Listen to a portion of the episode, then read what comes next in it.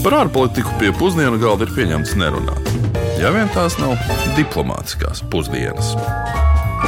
Labdien, esiet sveicināti diplomātiskajās pusdienās. Šodien mēs dosimies uz valsti, kas pēc platības un iedzīvotāju skaita ir otrā mazākā valsts Āfrikā - uz Santome un Principi, jeb Santome un Principi Demokrātisko republiku. Nu, bieži arī saukta par Āfrikas Galapagu salām, pateicoties augu un dzīvnieku dažādībai. Nu jā, tas tā uzreiz ceļojot no pagājušās nedēļas Ekvadoras Galapagu salām, uz, uz Āfrikas Galapagu salām. Bet um, 217,000 cilvēku lielā valsts tiek dēvēta arī par vientuļo salu, jo Santome un Principi ir viena no vismazāk apmeklētajām valstīm pasaulē. Zemā turistu apmeklējuma dēļ, piemēram, 2017. gadā, kas ir jaunākie dati pieejamie, valsts uzņēma tikai apmēram 29,000 turistu. Valsts veido divas lielākās vulkāniskās izcelsmes salas, Santome un Principi, kā arī sešas mazākas saliņas. Santome tika nosaukta Svētā apakstuļa Toma vārdā, jo portugāļu pētnieki šo salu atklāja 1470. gada 21. decembrī, tieši šī svētā svētkos. Savukārt, principi ir saīsinātā versija portugāļu vārdam Ilhado Principe, jeb Prinča sala, atsaucoties uz Portugāles princi. Nedaudz jau minējām, bet jā, vēsturiski valsts eh, tika izveidota pēc tam, kad tur nonāca portugāļu pētnieki un jūras braucēji.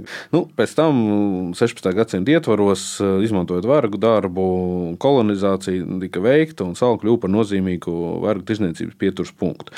Starp citu, 16. gadsimtā Santome uz īsu brīdi eh, bija arī pasaulē lielākā cukuru ražotāja. Nu, ar jaunai konkurentei Brazīlijai bija šajā gadījumā pārākas vai konkurētspējīgākas eh, cukuru kolonijas, cukuru ražošanas iespējas. Un Santomas lielo vergu populāciju bija ļoti grūti kontrolēt, tādēļ cukuru ražošana Santomē 17. gadsimtā samazinājās. Bet tieši tādēļ mūsdienu Santomas iedzīvotāju sastāvs ir ļoti sajaukts. Nu, to veido gan pēcteči no Eiropas imigrantiem, Āfrikas vergiem, kas vispirms apdzīvoja salas, gan arī atbrīvoto Āfrikas vergu pēcteči gan bēgošo Āfrikas vergu pēcteči, nu, kas atkal veidoja kopienu Santomas dienvidos. Nu, protams, arī līgumstrādnieki no Angolas, Mozambikas, Cabo Verdes, nu, dažādi arī vietējie dzimuši līgumstrādnieku bērni un mazāks skaits Eiropiešu un Azijā. Nu, tieši tādēļ šādas vēsturiskās attīstības dēļ portugāļu valoda ir Santoms un Principi oficiālā valoda un arī de facto valsts valoda, kurā runā apmēram 98,4 ļoti precīzi runājot, procentu valsts iedzīvotāji. Un šī valoda tiek lietota un uzskatīta kā viņa dzimtā valoda kopš 15. gadsimta beigām. Bet ko par šo valsti zina mūsu iedzīvotāji, to mēs centāmies uzzināt šeit pat Rīgas ielās. Ar ko tev asociējas Santome un Principi? Santoma un Principi. Wow. Nu, nezinu, ar kādiem rietumiem varbūt vairāk izklausās, bet nav ne jausmas. Ir dzirdēts, bet neizsaka arī. Nav interesēts, neesmu lasījusi, neesmu interesējusies. Vai nav Karību jūras salās? Nē, ja? Nē, tādu nesu. Bet viss, kas tāds man nezināms, man asociējas ar kaut ko siltu un uh, viennozīmīgi pozitīvu. Man tāpatās. Nu, ziniet, tādas noteikti mazāk zināmas, tādas nezinu. Tiešām godīgi atbildu, nezinu. Jā. Ak, Dievs. Es nezinu, gal, galīgi nezinu. Varētu būt kaut kas maziņš. Kaut kas maziņš, jā. Tikai dzirdējusi, atkal bija pēdējā krustvārda mīkla, es ierakstīju un speciāli atradu datorā. Es pat nezinu, vai tas ir augsti vai karsti. Izklausās, ka karsti. Nav ne jausmas, kurā virzienā domāt, bet nosaukums izklausās labi, aizraujoši. Tā kā patīk ceļošana, tad paskatīšos. Nu, jāatzīst, ka šī laikam ir tikai otrā līdz šim mūsu apskatītā valsts, par kuru mūsu klausītāji nu, praktiski nevarēja pateikt īsti neko. Un, un, un arī mēs jau pirms raidījuma abi sapratām, ka mums pašiem arī Santome un Principi ar Āfriku īsti nesaistījās. Nu, man, piemēram, vairāk likās, ka tā drīzāk ir okeāni. Jā, no vienas puses cilvēkiem bieži vien rodas ļoti interesants asociācijas, un no otras puses tā ir tāda laimes spēle. Jo nekad nezinu, pirmkārt, jau ko uz ielas satiksi, un kā cilvēks prāts par konkrēto valsti domās. Nu, vai, vai zināšana ir, vai arī kāds ir šis stereotips, un kaut kur varbūt tās sāk jau iezīmēties tendence, ka mums ziemeļos esošiem dienvidu valsts ir nepazīstamas. Nu, Es varu tikai izvirzīt hipotēzi, ka dienvidos dzīvojošiem droši vien ir tikpat neskaidrs par to, kas ir tie mēs, kas dzīvojam ziemeļos. Bet atgriežoties pie mūsu šīs nedēļas valsts ir jāsaka, ka neskatoties uz to, ka valsts ieguva neatkarību pēc 1974. gada valsts apvērsuma, Gandrīz divas desmitgades Santomas un Principija atbrīvošanas kustība bija valsts vienīgā politiskā partija. Tikai 1990. gada konstitūcija radīja valstī daudzpartiju demokrātiju. Ne, nu pašā laikā nu, tas ir bijis liels progress, jo 1990. gadā Santome kļuva par vienu no pirmajām Āfrikas valstīm, kurā vispār tika veikts demokrātiskās reformas un konstitūcijas izmaiņas, attiecīgi opozīcijas, opozicionāro politisko partiju legalizācija. Sīkāk gan lūkojoties no neatkarības un valsts dibināšanas procesa viedokļa, jāmin, ka demokrātiskās reformas tika ieviestas tikai 80. gadu beigās, tad apmēram 15 gadus pēc neatkarības pasludināšanas. Bet pirmās brīvās vēlēšanas notika 91. gadā. Tiecīgi.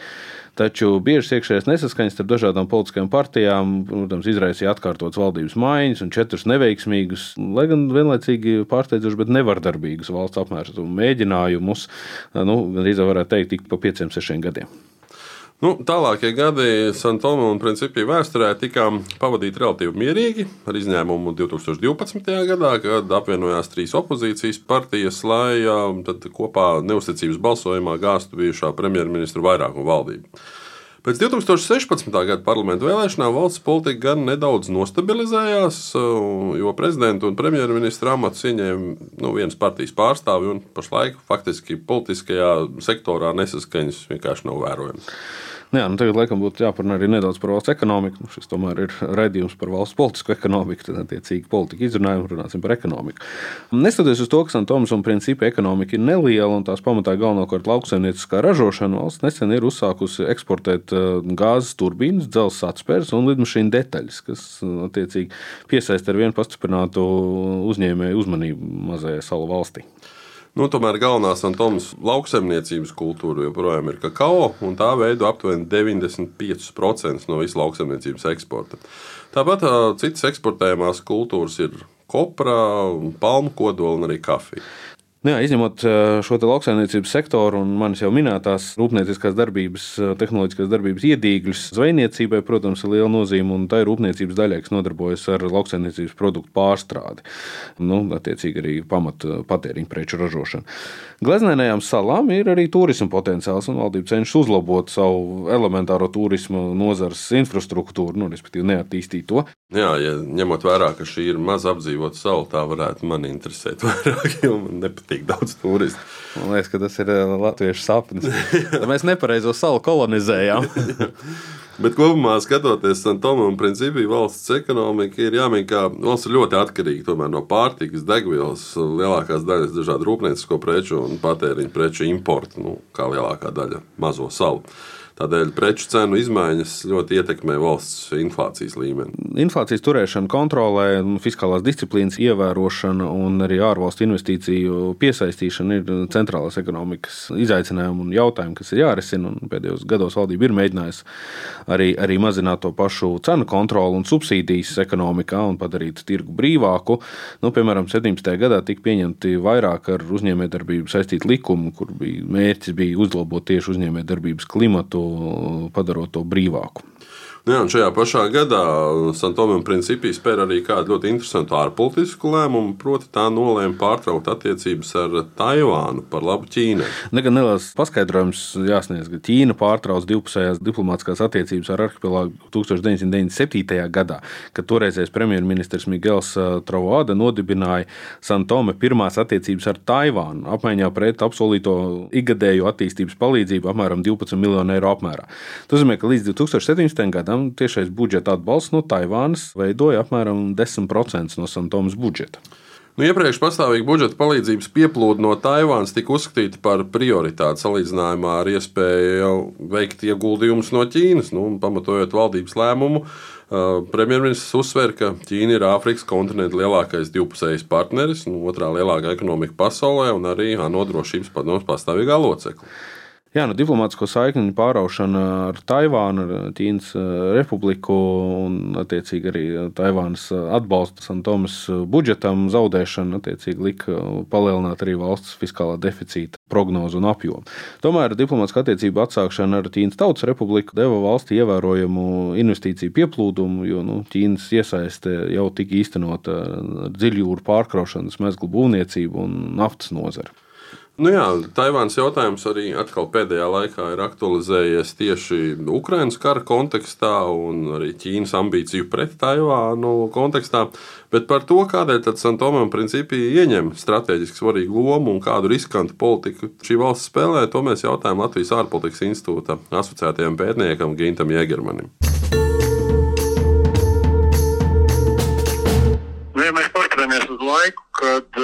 Šī mazā valstiņa, kas atrodas diezgan strateģiskā vietā, Gvinējas līcī. Lūk, tātad uh, 1997. gadā, kad uh, viņi nodibināja attiecības ar Taivānu, Ķīnā tajā brīdī bija salīdzinoši ekonomiski vāja, un Taivānā kopš brīža, kad tā bija kļuvusi vairāk demokrātiska, tā bija ļoti ekonomiski attīstīta valsts 90. gadu sākumā. Manuprāt, Taivānai bija lielākie ārvalstu valūtu uzkrājumi pasaulē. Un Taivāna bija attīstījusi diezgan sekmīgu politiku, kā ar dažādām palīdzības programmām spēja uzrunāt šīs mazās valstis. Nu, lūk, un tad 97. gadā arī Santomē un Principi beidzot atzināt Taivānu, taču tas mūžs nebija pārāk ilgs, jo 2016. gadā tas viss beidzās un Ķīna atkal spēja, atsakot, teiksim tā, Santomē Principi it kā pieprasīja diezgan lielas naudas summas, nereālas naudas summas, lai Taimāna iegulda šīs valsts ekonomikā un līdz ar to diplomātiskās attiecības saira. Un atkal tika dažs mēneši vēlāk nodibinātas attiecības, atkārtot nodibinātas attiecības ar Ķīnas Tautas Republiku un jau 2017. gada pavasarī tika atkal atvērta Ķīnas vēstniecība. Es domāju, ka te ir vairāk vai mazāk mēs varam runāt par um, ekonomiskiem uh, apsvērumiem, kas virzīja Santomiem principi politiķus uh, attiecībās ar šīm divām ķīniešu valstīm, jo 2010. gadu sākumā Ķīnas ekonomiskā augšupēja bija ļoti ievērojama un strauja. Un 12. gadā Ķīna atvēra ekonomisko misiju. Un brīdī, kad uh, tika nodibināts uh, diplomātiskās attiecības atkārtoti, Ķīna bija apņēmusies ieguldīt uh, Santomam principi ekonomikā diezgan ievērojamas naudas, attīstot uh, gan starptautisko lidostu, gan kas vēl vairāk ostu, dziļūdeņu ostu. Un, ja mēs paskatāmies uz to, ko Ķīna ir darījusi pēdējo 10-11 gadu laikā, Viņi ļoti mērķiecīgi izraugās uh, vietas pasaulē, kur attīstot savu kuģniecību, militāro, militārās spējas kuģošanas, tad ir uh, vairāk šādi svarīgie punkti, kur Ķīna ir ieguldījusi naudu ostās. Gan Džibutī, gan Grieķijā ir viena osta, ja, ja pastāv skats, tad ir tādi vairāk svarīgi punkti, kur Ķīna mēģina nodrošināt savu militāro spēju, kuģošanas spēju militārā ziņā. Nu, tad es domāju, ka Santomam principi bija diezgan maz um, izrēķi noturēties Ķīnas kārdinājumu priekšā, jo tās, uh, nu, šī ir salīdzinoši nabadzīga valsts un, protams, tādi nozīmīgi ekonomiskie ieguldījumi varētu būt bijuši diezgan izšķiroši šajā lēmumā. Nestoties uz to, ka valsts turpina attīstīties un veikt politiskās un ekonomiskās reformas, nu, var teikt, ka valstī joprojām ir šī demokrātiskā pārēja. Tur ir augsta nabadzība, un pēc jaunākiem Pasaules bankas datiem aptuveni trešā daļa no valsts iedzīvotājiem dzīvo ar mazāk nekā zemākās starptautiskās nabadzības sliekšņa naudas apjomu, proti 1,92 eiro dienā. Nu, un valsts IKP uz vienu iedzīvotāju līdz ar to pēc pirktspējas paritātes ir vien aptuveni 30 tūkstošus mazāks nekā Latvijā, un tie ir aptuveni 2000 eiro. Lai cik būtu paēdis, vienmēr ir vieta arī desertam. Un šodien desertā mēs ilgi domājam, ko tad varētu interesantu par šo mazzināmo Āfrikas valsti pastāstīt. Un, diemžēl ir jāatzīst, ka izņemot interesantu un daudzveidīgo valsts dabu, par valsti kaut ko īpaši unikālu atrast ir visai grūti. Tādēļ šodien desertā mēs parunāsim par to, ka Santomē un Principi ir mājvieta labākajiem šokolādes ražotājiem uz planētas. Jā, nu šis apgalvojums gan, laikam ir nedaudz pārspīlēts. Bet, Varētu ne... būt. Jā, nu, bet nu, ko gan neizdarīs, lai iegūtu papildus turistu grupas, kas, kā mēs jau secinājām, nemaz tik aktīvi nebrauc uz uh, Santomu. Iepriekš gatavojot raidījumu par Maurīciju, mums arī nācās saskarties ar apgalvojumu, ka Marks Tvents savulaik esot teicis, ka no sākuma esot izveidot Maurīciju, pēc tam debesis, un pēc tam debesis esot nokopēts no Maurīcijas. Nu, vēlāk izrādījās, ka tā ir tikai daļa no Tvena izteikuma, jo atcaucoties uz pašu vietēju iedzīvotāju izteikumu, respektīvi vietēji iedzīvotāji bija normāli piedomājuši klāt vēl papildus šim stāstam. Bet arī varbūt Santomē un Principī šokolāde nav tā labākā uz planētas. Noteikti loma šokolādes cienītāju vidū tā noteikti ieņem ceļš Francijā. Un daudz kritiķi apgalvo, ka Santomē šokolāde ražo tikpat labi kā Šveicē. Nu, te gan jāmin, ka šokolāde, par kuru runā Santomē, ir Klaudio uh, Korallo ražotā šokolāde. Nu, gribētu teikt, ka jau tā ir tā mūsu laima vai igauniem. Kaleva šokolāde, tomēr uh, Santomas gadījums tomēr ir nedaudz atšķirīgs. Un iemesls tam ir valsts uh, vēsturiskā attīstība.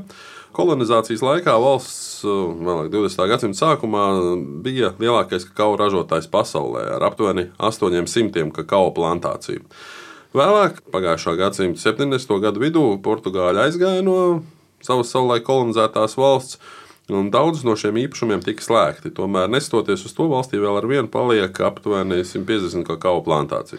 Nu jā, savukārt par pašu Klaudio Korallo runājot, eh, Santomē viņš ir slavens ar to, ka ir vienīgais izsmalcinātās šokolādes audzētājs, ražotājs un eksportētājs. Un viņam ir augsts līmeņa klientu lokus, tos arī augsts klases universāla veikali, restorānu un viesnīcas visā pasaulē. Tomēr, kas ir interesanti un arī dzirdams pēc vārda un uzvārda, tad Klaudio Korallo nav nekādas izcelsmes saistības ar Santomē un Principiju. Klaudio Krallo ir itāļu uzņēmējs un arī lauksaimniecības inženieris, kas 1992. gada decembrī pārcēlās uz Santomi un Principi un sāka tur arī audzēt kakao.